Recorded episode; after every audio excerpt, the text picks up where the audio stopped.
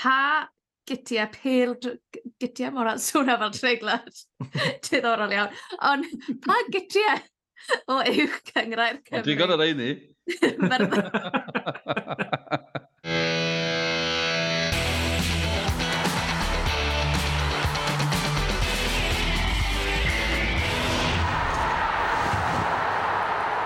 Wel, helo na, a chroeso i rifin newid sbon o bodlediad sgorio yn dilyn penwthnos agoriadol uwch gyngrair Cymru. I ni nôl, ni'n mynd i fod nôl bob, pob wythnos fan hyn ar y pod nawr. Fi yw Siona Dafydd, a gyda fi ar y pod wythnos yma, mae Ifan Gwilym a Dylan Ebenezer. Helo i'r ddau chi, chi'n oce? Okay? Dylan, fi a ti di blino, achos o'n i'n ôl o fai Colwyn yn, yn wel, ti a canol nos neithwr. So, lot o goffi heddi. Hyfryd, mae hwnna'n bob dydd yn dechrau gyda coffi. A wedyn ni, mae'n mwy o goffi. A wedyn mae'n fwy o goffi. Felly, mae'n cadw ni fynd. Ifan, fi cynnes? Do, dim gweithio. Um, Wrth tawl, dim lot o Bill Road. Yn teimlo fel bach o calm before the storm. Ond, uh, neis gweld i'w gyngor Cymru nôl, gweld y goli yn cael ei postio ar um, gwefannau cymdeithasol sgorio, a hefyd, neis gweld um, i'w gyngor Lloegr nôl hefyd, a match of the day, os yn gwneud pwynt o wneud o wylio match of the day uh, ar penwthos cyntaf, fi'n wastad yn neud, ond mae'n neis, ti'n gweld y uh, uh, tîmau ar ei newydd gwedd, dy chwaraewyr newydd, citiau newydd, a rhyddhad wrth gwrs uh, Lenny, am y tro gyda, fi'n credu ti a 20 mlynedd i fi byd o gael fantasy football tîm. So, a creu dim stress, o'n i'n mynd poeni fel, o, oh, mae tîm fi'n awful. Which... Croeso i fy myd. Croeso i fy myd. Ond da fi gormod o bethau yn y mywyd i boeni am pildroed fantasy hefyd. Mae pildroed go iawn yn achosi digon o stres i fi. Ydy. A ges i weekend great fantasy team fi. Credu ges i 82 o bwyntiau. So, uh... Nore. Sa'n gwybod beth i cael gymryd hyn. Fel wedi poeni fi gyda... Sorry, mae'n rhaid. Beth sy'n poeni fi gyda Pildroed Fantasy? Radio Cymru, chwilio am Radio Cymru, maen nhw'n gwneud Pildroed Fantasy, maen nhw'n dyn nhw arbenigwr, a dyw e ddim ar top y tabl. Mm. I think, so, fi, fi ddim yn deall sut mae'r pobl sy'n ar brig y tabl, ar brig y tabl, mae'n sgil yn ei hunan, na gwe dyle yr arbenigwr fod ar y top. Na'n un o'r pwynt sy'n gyda fi. Y fel wedodd Ifan, oedd na wledd o Bale Road pen wythnos yma. Y tymor wedi dechrau go iawn gan gynnwys i'w gyngrair Lloegr. Oedd hi'n benwthnos dramatig hefyd yng nghwpan byd y merched. Llifan, a'i ddod at y tu gynta. Beth oedd dy, dy chafbwynt cyffredinol o ran y byd Pale Road? Wel, yr unig gêm, eblaw am dechrau gêm by Colwyn a, a Cynarfon, yr unig gêm all, wnes i oedd o'r cwpan y byd, um, nes i weld bach o gêm, gêm Lloegr Columbia, a jyst fel hanner amser yn dod yn fel, o, na fi'n i gael cyn o nawr. Chos ti'n mynd i ddigwydd yn y doi funud cyn hanner amser, ond nath na ddwy gol ddigwydd. Um, na, mae'n uh, ma dechrau siapio, mae Lloegr yn edrych fes uh, rŵt bach dda gyda nhw i'r rhwng derfynol, ond um, fi'n meddwl Sbaen sy'n mynd i fynd â hi. Mm. Dylan beth eich bwynt ti? Arsenal yn ennill? Harry, Harry Kane yn gadw Spurs. Chafwynt fi, mae'n holl ar... Mae'n edrych yn neis yn coch y gwyn, uh, Bayern Munich. Ie, yeah, ar, ar, amlwg, Arsenal yn ennill. A dda just fel, y mwy am y pethau newid, y mwy am yn aros rhywun peth. Chlan dda, hollol gyfforddus, Forrest yn sgorio gol, 10 munud ola'n llawn stres. Dim byd i newid, ond fe. Ond braf fod yn ôl. Ond a fi wedi, mae pobl yn gofyn fi'n eitha ymal, os oes ti sadwn off to ti, ble ti ddim yn gweithio ar gêm, beth i ti'n neud? Wel, dinas i lan am hynny'r di saith bod di sadwr. Wel, Sean Frank yn erbyn Austra... Australia. Yeah. Wedyn Lloegr yn erbyn Columbia. Wedyn Arsenal yn erbyn Nottingham Forest, a ni di alan tua saith awr yn eistedd ar y soffa, a nes i really joio. So ar eto byw, pan i fi ddim yn gweithio'r bildrod, fi'n rili really drist a fi'n watchan mwy o Bildrod. Ta waith, so na beth oedd ein penwythnosau ni, ond Ifan... Profi bod ti'n am... real deal na gwe, Sian. Fi ddim yn troi lan pan mae'n y cameras. Ifan, beth yw penawdau o uwch gyngrair Cymru penwythnos yma? Noe Edward sgoriodd gol agoriadol y tymor i gei cona yn erbyn y seintiau newydd, ond y seintiau yn dangos pam tan nhw yw'r deiliad ac yn ffefrynnau clir am y gyngred unwaith eto wrth ennill 6 i 2 ar y noson. Buddigoliaeth fawr i Gynarfon hefyd o flaen camerau byw sgorio y mae Colwyn, gyda'r tîm cartre yn chwarae gêm cyntaf erioed nhw yn uwch gyngor Cymru. Buddigoliaethau hefyd i Met Cyrdydd, Bala a Ffen y Bont, y di sgôr oedd y gêm rhwng Hwlffordd a Ffont y Pryd nos Wener. A dyna ni'r penwthnos agoriadol. Newn ni ddechrau gyda gêm fyw sgorio. Bai Colwyn yn colli o bedair gol i ddim yn erbyn Cynarfon.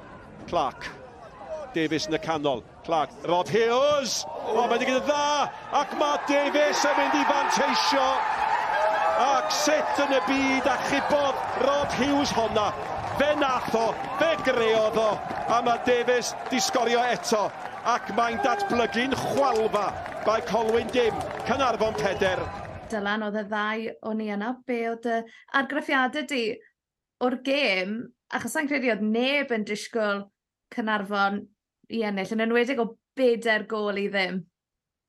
Na, dim yn gwbl. Um, o'n i'n disgwyl i fai Colwyn fod yn gryfach, felly mae pethau positif, o, oh, torf ffantastig, stadiwm ffantastig, oedd boi na, un o'n cynogwyr boi Colwyn, gyda helmet a gwylan blastig arni, nes i'n gwneud hwnna yn fawr iawn. A, a, a cefnogi'n lot o'n nhw'n gwisgo y kit, kit uh, bai Colwyn, o rhai'n grysau retro, ond dwi'n wedi gweld gymaint o'n i o grysau y clwb mewn gêm. Felly maen nhw'n amlwg yn glwb mawr a mae'n wych cael nhw'n na. Ond ie, yeah, o'ch chi ddim eisiau gweld hwnna uh, pen penwthnos cyntaf. Wel, Canarfon eisiau, peder i ddim. a mae'n eich chi bod, achos peth, mae gymaint o frwdfrydedd na, chi eisiau rhyw fomentum, felly gen i weld byn yn erbyn rhywun, wel, maen nhw'n y bari pen penwthnos nesaf. Ond ie, yeah, chi ddim eisiau nhw fynd rhy hir heb y gol gyntaf, a'r fuddugoliaeth gyntaf, ac hynna i gyd. Ifan, oedd hi'n bendant yn reality check Ifai Colwyn, nag oedd e, achos dyn nhw'n dîm yn amlwg, sma nhw'n gyfarwydd o ran colli, mm. ond fi'n credu geithon nhw reality check o iawn o ran mae'r lefel yn yr uwch gyngrair lot yn uwch na'r ail hain. Wna rhywbeth wedyn ni ar y ffangolwg uh, wrth ystrethan, yn dweud am beth ti bai Colwyn a Barry, y prif beth yw aros lan un nhw tymor yma, mae fe'n mynd adjustment. Ni gweld e o blaen gyda pen y bont, o'n nhw'n slow iawn i, i addasu a mi nathon nhw, a ti'n gweld tîm fel Airbus sydd ddim wedi addasu pan maen nhw'n dod lan, llenelli pan nathon nhw lan, o'n nhw mor iws di ennill, a nhw'n ffindio'n anodd addasu i chwarae mewn gemau clos. Um, be all wedys i wrthos bethau, wrth gwrs, am beth i Canarfon, o pwysigrwydd a chwaraewyr newydd maen nhw'n rhaid o mewn, Mark Williams mm. ac Adam Davies, a gallu adio Zach Clark i hwnna hefyd erbyn hyn.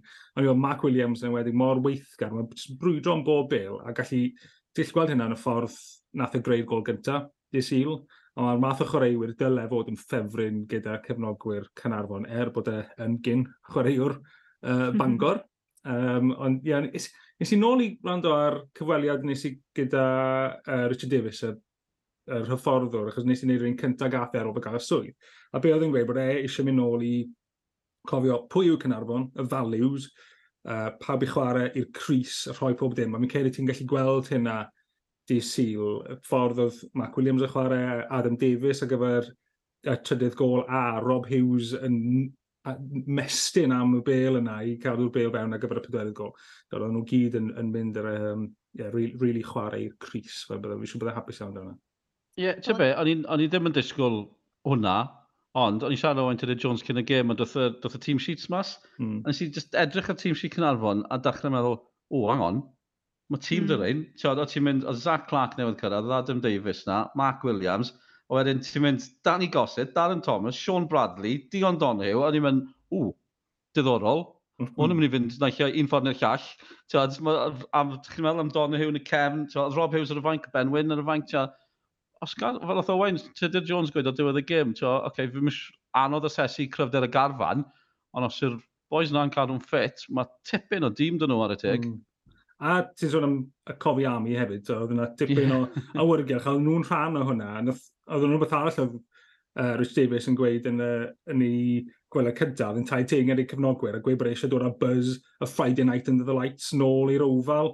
Um, mm. Ond gweud, mae Mond yn gallu gwneud hynna gyda perfformiadau a chanlyniadau. A, wow, oedd hwnna'n perfformiad right. a canlyniad gwych a digwydd bod Friday night under the lights yw i gêm nesaf nhw'n ebyn drenewydd. So, dod, byd nhw'n gweld y cefnogwyr yr hardcore yn dathlu yn yr away end. Fi'n siŵr bydd yna tipyn mwy yn ymuno dan nhw ar yr ofal digwydd nesaf. Ie, yeah, ni'n dechreuad gret i'r tymor i Gernarfon. O Zach Clark yn eitha ffynnu yn ei gyfweliad ar ôl y gêm. Oedd e ddim yn siŵr be oedd y sgwr. Na. Ti'n al sgorio un o'r goliad. ti yw sy'n yn y gêm. A nath chi ennill ffônil gyda llaw. Um, Oce, okay, o ran y canlyniadau eraill, y seintiau newydd yn ennill o wech gol i ddwy yn erbyn Cey Conna. O'n i fam fi'n credu, wel, y brif peth sydd wedi cael y sylw oedd sylwadau Neil Gibson, reolwr Ceicona ar ôl y gêm, nath e basically weid achos yr arian sydd gyda'r seintiau, bod e'n amhosib cystadlu gyda nhw erbyn hyn. It's been an interesting um, few weeks because obviously we're playing against teams with you know a million pound more budget than us in the last four competitive games that we've played. You know the Icelandic team full time halfway through the season twice, uh, TNS twice in the League Cup away and in the uh, league um, away as well. So look, it's it's where we want to be pitting ourselves, you know, and that's why we were very heartened by the first 65 to 70 minutes because um, I, I fully believe that if we keep the belief going with the players that we've got and how we're trying to play, that if we do that for 65, 70 minutes against other clubs, I think we'll be very successful against TNS. If you don't take the advantage of your opportunities, they'll put you to the sword because they've got some excellent players. And probably today, would you say that Declan McManus and Jordan Williams are the difference? And um, you know, you know, the wages that they get paid probably is something that we can't aspire to anymore. Um, i glywed yn gweud hwnna, ar ôl gym gyntaf tymor. Ie, yeah. yeah, mae'n ma mynd at thema beth ni'n siarad dros y gym Ewropeaidd, achos ni'n siarad am beth i budget y clybiau oedd uh, hwrffordd pen y bont, hyd yn oed um, seintiau yn chwarae erbyn, just budget lot mwy, mae fe yn ei gwanaeth faint o arian sydd i gael. Felly, ie, yeah, mae fe'n bach o esgus, ond, ond mae fe'n reality. Mae ma budget y seintiau meddwl bod nhw'n gallu hyfforddi Dyna'r beth o'n i ddim yn gweld, really, oedd e'n sôn am safon uh, Jordan Williams a Declan McManus. Mae'n gedi y prif beth yw bod nhw'n gallu talu'r chwaraewyr na i y ffordd i pimp gwaith, pimp gwaith yr wythnos. Hwna'r mm. prif beth i fi. Y contact time na maen nhw'n galw fe, na gyfer, sawl gwaith mae clybiau yn hyfforddi. A dwi ddim yn gwybod i fod yn oll onest, felly dwi'n mynd i eistedd mewn beirniadu clybiau bod nhw'n hyfforddi digon, ond mae rhaid, nhw, mae rhaid bod yna ffordd o strwythuro'r garfan fel bod chi'n chi ymarfer, gwedwch bod nhw'n ymarfer dwy waith yr wythnos. Wel, oedden nhw'n mm. gallu mynd tair gwaith yr wythnos. Mm. Chi'n clywed sôn mae'r rhaid mae'r fel unwaith yr wythnos. Wel, dos bosib o hwnna ddim yn dderbyniol. Um, fi'n gwybod bod yna amgylchiadau fe'n pobl yn gweithio, ond um, yeah, just ffind o ffordd i, um, i dod at ei gilydd yn fwy aml i baratoi mwy, falle.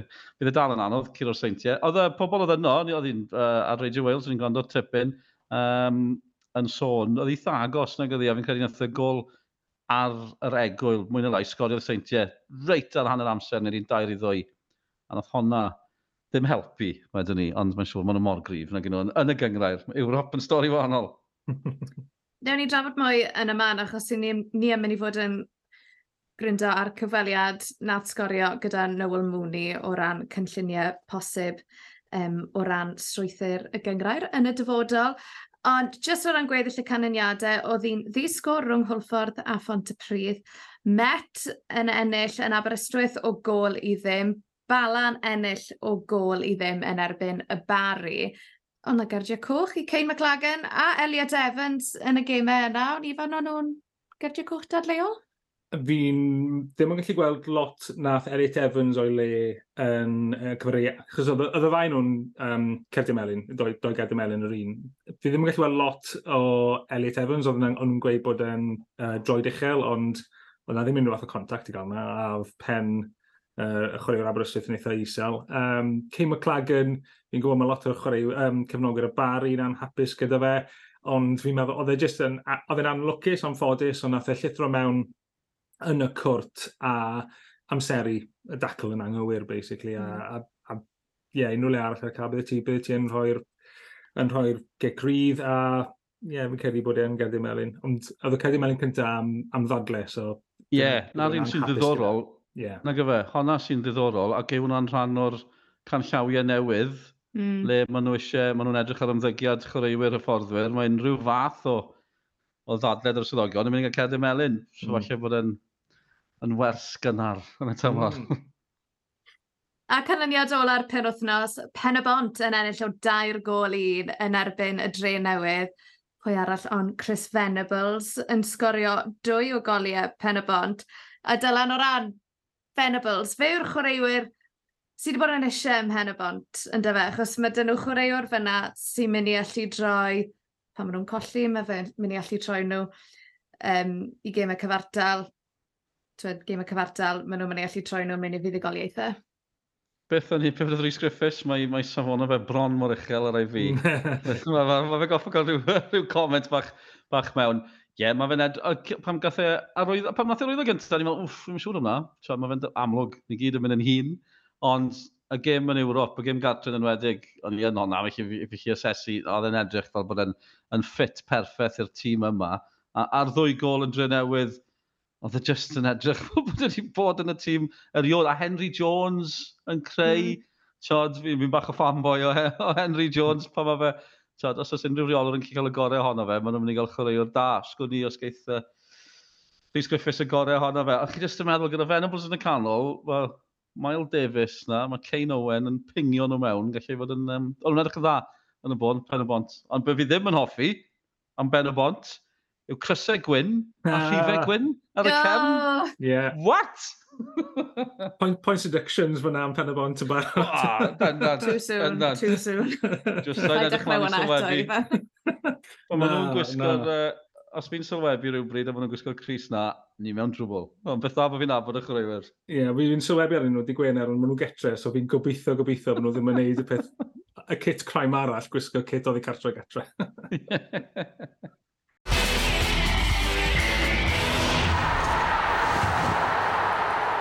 Wel, dyna ni canlyniadau uwch gyngrau'r Cymru penwthnos yma. A fel wedon ni, ges i sgwrs fach gyda Noel Mooney hanner amser. Oedd e y Mae Colwyn yn gwylio'r gêm. Mae Colwyn yn erbyn Cernarfon. A dyma beth oedd ganddo fe i weid. The uh, investigation or the inquiry into the current structure of the Cymru Premier has been going on for 12 months now. What's the latest? Well, first of all, I wouldn't call it an inquiry, I would say. It's more a strategic discussion. So I think it's clear that we need to have a big plan for this league. It needs a lot of investment, needs a lot of marketing, and needs lots of communication. Even though SP Direct do a fantastic job, we need to keep growing. Uh, it needs better stadiums, so it's great to see this beautiful new stand here that's opening here in Colwyn Bay. But the discussions with the club, we started late last year. January with meetings up in Aberystwyth. We were up in uh, Airbus a couple of months ago, finishing off them discussions. Uh, and we've reached agreement on a plan. It's got eight pillars in it. Um, we're going to go out to market this week for a new CEO for the league. Um, I'm going to invest a few million pounds into this league. It needs it. And I know from experience of working across Europe that you need to invest in things. You need everyone on the same journey. And this plan that will take us from now up until 2030 will bring Welsh football to a new level and this league to a new level. It's fair to say the league structure, Noel, is one of the most anticipated, I guess, questions. Can you give us any update with regards to the current 12 team system? Are we going to see any changes? Yeah, just in the new strategy, there's eight pillars. So you're going to have things like performance, facilities, marketing, community engagement. The structure of the league is something that was discussed a lot. People kind of go straight to it as 12 teams uh, not enough and all that kind of stuff. I think from discussions with the club, I think it's fair to say that people, the general direction, it'll be a bigger league probably. I don't know if that'll be 14 or 16. That's not for me to say. There'll be a group set up amongst the clubs and with the FAW, and then discussions will go on for a few more months. But I, I think the general direction seems to be that you'll see a bigger league, I would say. Um, and that'll be more investment for the FAW as well. But I think it's time now that we do um, we're working closely with UEFA on what this new league will look like. We've meetings actually this week, funny enough, with UEFA on the funding, which is the big thing. I mean, you need to put money into this league. As I say, you need to build stands like we see behind us today. We need to invest in infrastructure. We need to invest in community developments. The league will probably be a bit bigger, I would say. But again, when the new CEO for the league comes in, she or his job will be to work with the clubs, with a group, using insights, using data. I think what you'll see is probably a bigger league uh, in the future. Finally, Noel, it's been another tricky summer for the Welsh clubs in Europe, you know, coming up against fully professional sides. What do you think we need to do to get to that level here in Wales? Yeah, look, I mean, for me, you haven't worked across Europe with UEFA for different leagues. I've seen how, like in Ireland, for example, 15 years ago, we had very few people coming to the matches. We had really bad stadiums. We were not doing well in Europe. And we sat together like we've just done in Wales and put a plan together for how we would do all these things. Now they're doing much better in Europe. They're getting full housing stadiums, much better stadiums. I have no fears about anything here in Wales about what we're doing in the future, except we just need to have a clear plan, which we have now. We need investment, which we have now, and a plan for the future. We won't solve everything overnight, that's for sure. But we've got a clear direction of travel. We've got a group of clubs that are all on the one road together and I have no doubt you'll see our performances better and better over time. What we definitely need to see is the success we've seen with the national men's team over the last few years. That gold dust needs to come off on all of our teams here. So you need nutrition, strength and conditioning, psychology, preparation for the European matches. All these different things are in discussion at the moment, and we'll have a clear plan for our clubs to get better in Europe. I'm very confident for the future. It was a difficult summer, I think it's fair to say. Hartford West County did a terrific job for us, I must say.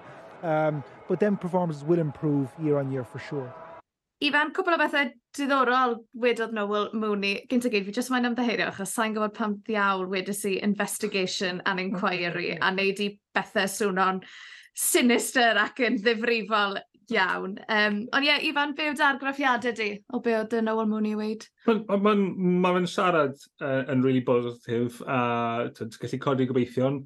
Um, mae few million pounds yn swno fel lot i fi, achos fi wedi cael million pounds, ond wedyn ni uh, ar draws gyngre'r, sut mae hwnna'n mynd i gael ei wario? Dyna, dyna bydd y cwestiwn i fi, achos heb ni'n gweld y manylion, dwi'n meddwl lot. Um, so, mm. gen i weld sut mae'n cael ei wario. Mae yna sicr angen arian o dyna'r, mynd o'r y thema ni bod siarad ers wythnosau nawr, mae sicr angen yr arian fi'n really excited am uh, y, y syniad o mynd lan 16. Fi'n fan o'r syniad, um, ond fi ddim yn meddwl bod e'n rhyw golden bullet sy'n mynd i wella'r gyngred yn ei hunan, achos mae angen i ti baco lan gyda yr, yr arian hefyd. Heb hynna, diw symud i'n eich chwech, fi ddim yn meddwl ddim yn mynd i ei lot o waniaeth i'n fod yn y llall. Mm.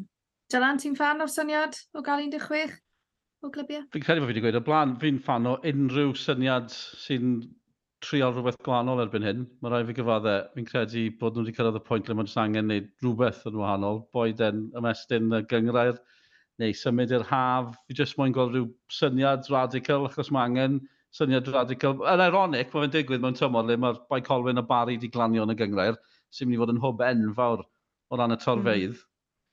Ond, ie, yeah, fi'n credu, a beth oedd yn, um, beth sy'n poeni'r clybiau'r deuddeg yw, tasau yna fwy o glybiau, yr un faint o gyllid bydde yna yn y gyngrair, felly yr un bydde maint y gacen, jyst bydde rhaid torri'r gacen rhwng 14 neu 16, os os yna fwy o gyllid ar gyfer mwy o glybiau, fi'n credu, allan gweld bod lle dy unrhyw un i ddadle, a maen yma'n triole. Byddai'n braf iawn sut maen nhw'n gwneud e, pwy o wyr, maen lot o sôn ag ysau, maen ma, ma, ma nhw'n hoffi, um, fi'n credu bod nhw'n taflu syniadau mas yna, fel dymateb pobl, achos ni wedi clywed gyfer o sôn, falle bydd na hanner cyntaf tymor yn de a gogledd, a wedyn dod at ei gilydd.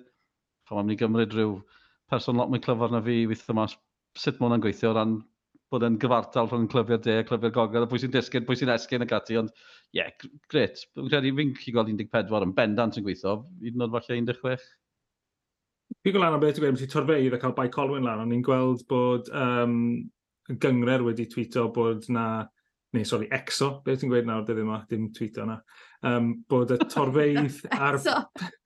Beth i siarad o'r? Ie, fi. Torfeidd y pwnnw thos agoriadol, 78% yn uwch na yr er penwthnos agoriadol tymor diwethaf, mae hwnna'n wych. Amlwg mae pobl yn mynd i weid, wel ie, mae hwnna gyr achos by Colwyn, ond hyn ddod heb by Colwyn nes i fynd a, a wneud y maths. Oedd y torfeidd wedi codi bron i 25% ers penwthos agoriadol tymor diwetha, a ti'n gallu cymaru'n uniongyrchol dre newydd a chwlffordd nath chwarae adre ar y ddau penwthos agoriadol. Torfa dre newydd wedi codi bron i 20% ers uh, penwthos agoriadol tymor diwetha, a Hwlffordd nath symud y gêm un o Swener, sydd yn aml yn helpu, a gyda amlwg tipyn o sylw ar ôl i hymgyrch Ewropeaidd nhw, torfa fyna yn codi dros 50%. So, wow. Gret cael bai Colwyn mewn y gyfer y torfeid, yeah. ond gret gweld bod, bod clybiau eraill yn un yn dda hefyd. Na, mae'n diwedd y tymor yn ddiddorol, nag oedd e, a fi'n gwybod mae diwedd y tymor yn denu mwy o dorfeidd ac ati, a mae tywydd yn gwella, ond oedd y torfeidd yn ddiddorol, oedd y torfeidd Ewrop, felly falle bod ni jyst mewn rhyw gyfnod cyfle i, i fanteisio ar hyn cyn bod y geia yn, yn dod ar rhyw chwip, chwip dyn i ni, get back in your box. Na, gret, gret. Mae hwnna'n diddorol iawn. Ie, yeah, diddorol bod ti'n gweud am Hwlffordd a, a Drenewydd. Ti'n ie, fel ti'n gweud, tyna bai Colwyn allan ohono fe. Mae'n ma, ma uh, Mae'n ddiddorol iawn gweld hwnna. Ond ie, yeah, tiad, fi'n hoffi, fi'n gwybod mae yna lot o bobl yn sôn, tiad. Ale mae Noel Mooney yno, mae fe yn y gemau, mae fe allan rownd y clybiau, maen nhw'n trial wneud rhywbeth. Felly, tiad, mae'n hawdd siarad addo, ond um, ie, gen i weld beth ddaw. Nath e weid e na dda fe, mae yna 8 pilar i'r strwythyr newydd yma, 8 pilar. Nath Osian Roberts gweud, mae 5 pilar droed sy'n yng Nghymru y byd yn Qatar, felly mae yna fwy o pillars di ymddangos fel e.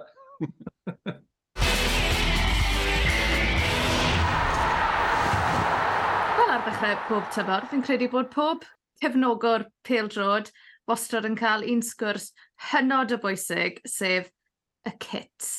Pa gytiau pel... Gytiau mor swnio fel treiglad. Diddorol iawn. Ond pa gytiau o uwch cyngrair Cymru? Dwi'n gorau rei ni. Ei, Mae pawb yn licio tymor yma. Ifan, beth yw dy hoff newid. Wel, fy nghoff, fy hoff y gris i, wna i newid y gair er mwyn osgoi'r isiw. Um, Wel, treni bod dim Cynarfon a Hwlffordd wedi cadw cresau pre-season achos oedd y fan kit Cynarfon gan Tor Sports yn ni'n neis y syml retro, ond ddim yn defnyddio fe mm-hmm. yn y gyngred, a o'n i'n meddwl bod ni'n neis iawn. Cris Ewrope'r Hwlffordd hefyd, gwych mm. gen nhw. Wedyn oedd i gan The Athletic a Athletic trwy'r bartneriaeth yna wedi rhoi erthyglau ar eu gwefan nhw yw miliwn plus subscribers nhw. Oedd hwnna'n un hyfryd hefyd. Um, ond uh, dros bryd wythnos, be o'n i'n licio, achos gath rhain e ddim defnyddio. Uh, Chris Goli, Cardiff Met. O'n i'n licio hwnna. Oh, Met, Met Cyrdydd. Alex Lang mewn rhyw psychedelic uh, melyn a glas. O'n i'n licio hwnna. Dylan? O'n i ddim yn disgwyl hwnna. Mae rhaid cyfadde. um, mae ma rhywbeth am... Mae ma llewis melyn Met Cardydd wedi dal yn sylwi. Mae'n rhaid mm. gweud. Mae'n fel, ww, diddorol oedd Aberystwyth yn y gwyrdd ar di traddodiadol. Chwrwy'n o bari pan oedd diwethaf yn y cwpan, oedd, oedd shorts gwyrdd yn nhw, a ddim ddim yn gweithio. Ond syndod sy'n ma'n just rhoi shorts di ar y kit na, yn traws newid popeth. Fel fi wedi gweud, fi wedi cwyno digon am pen y bont ar kit gwyn, ar, ar rhifau gwyn. And, a fi eitha licio gweud seintiau newydd. Mae'r splash, mae'r gwyrdd, mae'r stripes gwyrdd yn fel rhyw, rhyw splash bach dros fe. Fi'n credu ni wedi anwybyddu kit. Chos mae'n clasic, y kit na. Tiod, Gwyrdd y Gwyn. Hmm. Yr hoops, fi'n gwybod mae'n ambell i glwb fach mwy enwog, falle gyda'r un kit, ond ie, yeah, mae'n ma, ma, ma, ma oreit, mae'n y teg. Hmm. Nes i ddod, nes i joio Rhys Melin a Shorts D Cynarfon. O'n i'n eitha licor combo na, ond fi dy ti fan Chris, Chris Hulffordd yeah. yn Ewrop. O oh, ie, yeah. o oh, ie, yeah. bendant, bendant. Strong Latio vibes joio fe. A hefyd, just gan bod ni'n sôn am Hwlffordd, achos sa'n siŵr bod ni wedi sôn amdano fe, o ti'n sôn am yr athletic a'r holl sylw nath nhw roi Hwlffordd. Y llun e, o Harry John oh, yeah. yn mynd lan i Tony Pennock oh. ar ddiwedd y gêm. O'n i lysio bron y llefen, am lun. Oedd, oedd e yn just, ie, yeah, a, a, a mae'n gweud gymaint amdano fe, nag oedd fel, yn mynd i ddiolch i'r rheolwr am, am, y cyfle y chwarae yn Ewrop. Mae hwnna'n hyfryd. Mae ma Tony Pennock yn taro fi fel boi eitha emosiynol hefyd, sy'n sy gred. Um, fi, fi newid y pwnc, dylen ni sôn hefyd, mae rhaid fi dweud o ran bai Colwyn, mae'r uwch gyngor yn Lloegr. Sawl clwb sy'n gyda kit lliwiau na? West Ham, Villa, mm. Burnley. Ond mae ma fe ma rhywbeth am y lliwiau na, y porffor o'r nice. glas gole. Na beth oedd kit um, tîm ysgol ni, ysgol Gymraeg o Brystwyth, y Celtiaid, na chi enw y lliwiau yna, felly fi'n hoffi'r lliwiau yna. Clwb rygbi Llanber hefyd. A na fe, de. Bargen.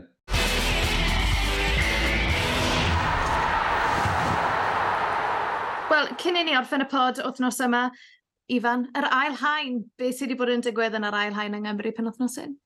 Wel, Llansawel a Lee Dwafan yng Nghyngred y De ac Ebus a Bangor yng Nghyngred y Gogledd wedi ennill i tair gêm cyntaf nhw yn yr ail hain, felly nhw'r cyffyl y blaen. Rhaid gweud bod y Flint a Tryffynon wedi ennill dwy allan o ddwy hefyd. Mae gyda nhw gêm wrth gefn, so mae gyda nhw record cant a cant hefyd. Diddorol gweld Ebus, nath wneud mor wael yn uwch gyda'r Cymru. Yn, wneud yn dda, maen nhw'n troi mewn i'r Iwlio Clwb mwyaf fascinating, lle maen nhw'n mm. neud yn mor dda yn cyngreir y gogledd, a wedyn ni'n wneud mor wael yn yr uwch gyngreir. Um, y prif stori dros penwthnos yma ddo, yw bod uh, dwy, doi golwr wedi sgorio yng Nghymru'r de. Felly Scott Cochlin o Lanelli, nath giro pont o dawe, a Matthew Stanton o ddreigau baglan, oedd yn dipyn o gymeriad, achos nath ni fynd draw i wneud y gêm uh, ail gyfle nath nhw ennill yn erbyn uh, Risga, nath nhw giro allan eithaf fawr, a dau nhw wedi wneud y goliau yna. Dim, di cael be, Matthew Turner oedd e sgorio yn hwyr yn erbyn Pontypridd i Aberystwyth diwedd tymor diwetha y gol golwr na lle mae'r golwr yn mynd lan am y cic ornew. Na, hon yn un, chi'n fawr Begovic yn neud i Stoke o blaen, just hwffo fe mewn o, o beth, practically box i hunain am oedden. Embarrassing iawn os ti'n golwr pen draw a mae golwr sgorio hibo ti, neu drosto ti yn y modd yna. Mae gol uh, Oh, gol Stanton, dyle fe di safio. Mae'r ail un, gol Scott Cochran, chi'n chi, chi weld i ar y we gyda llaw.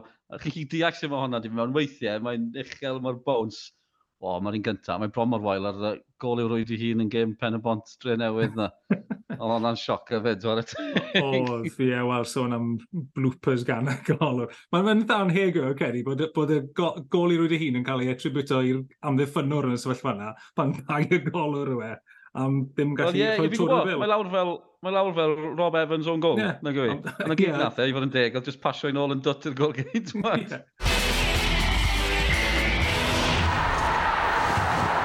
Wel, dyna ni am benod arall o bodlediad sgorio fe wedys i ni'n mynd i fod nôl pob wythnos nawr rhwng nawr a diwedd y tymor.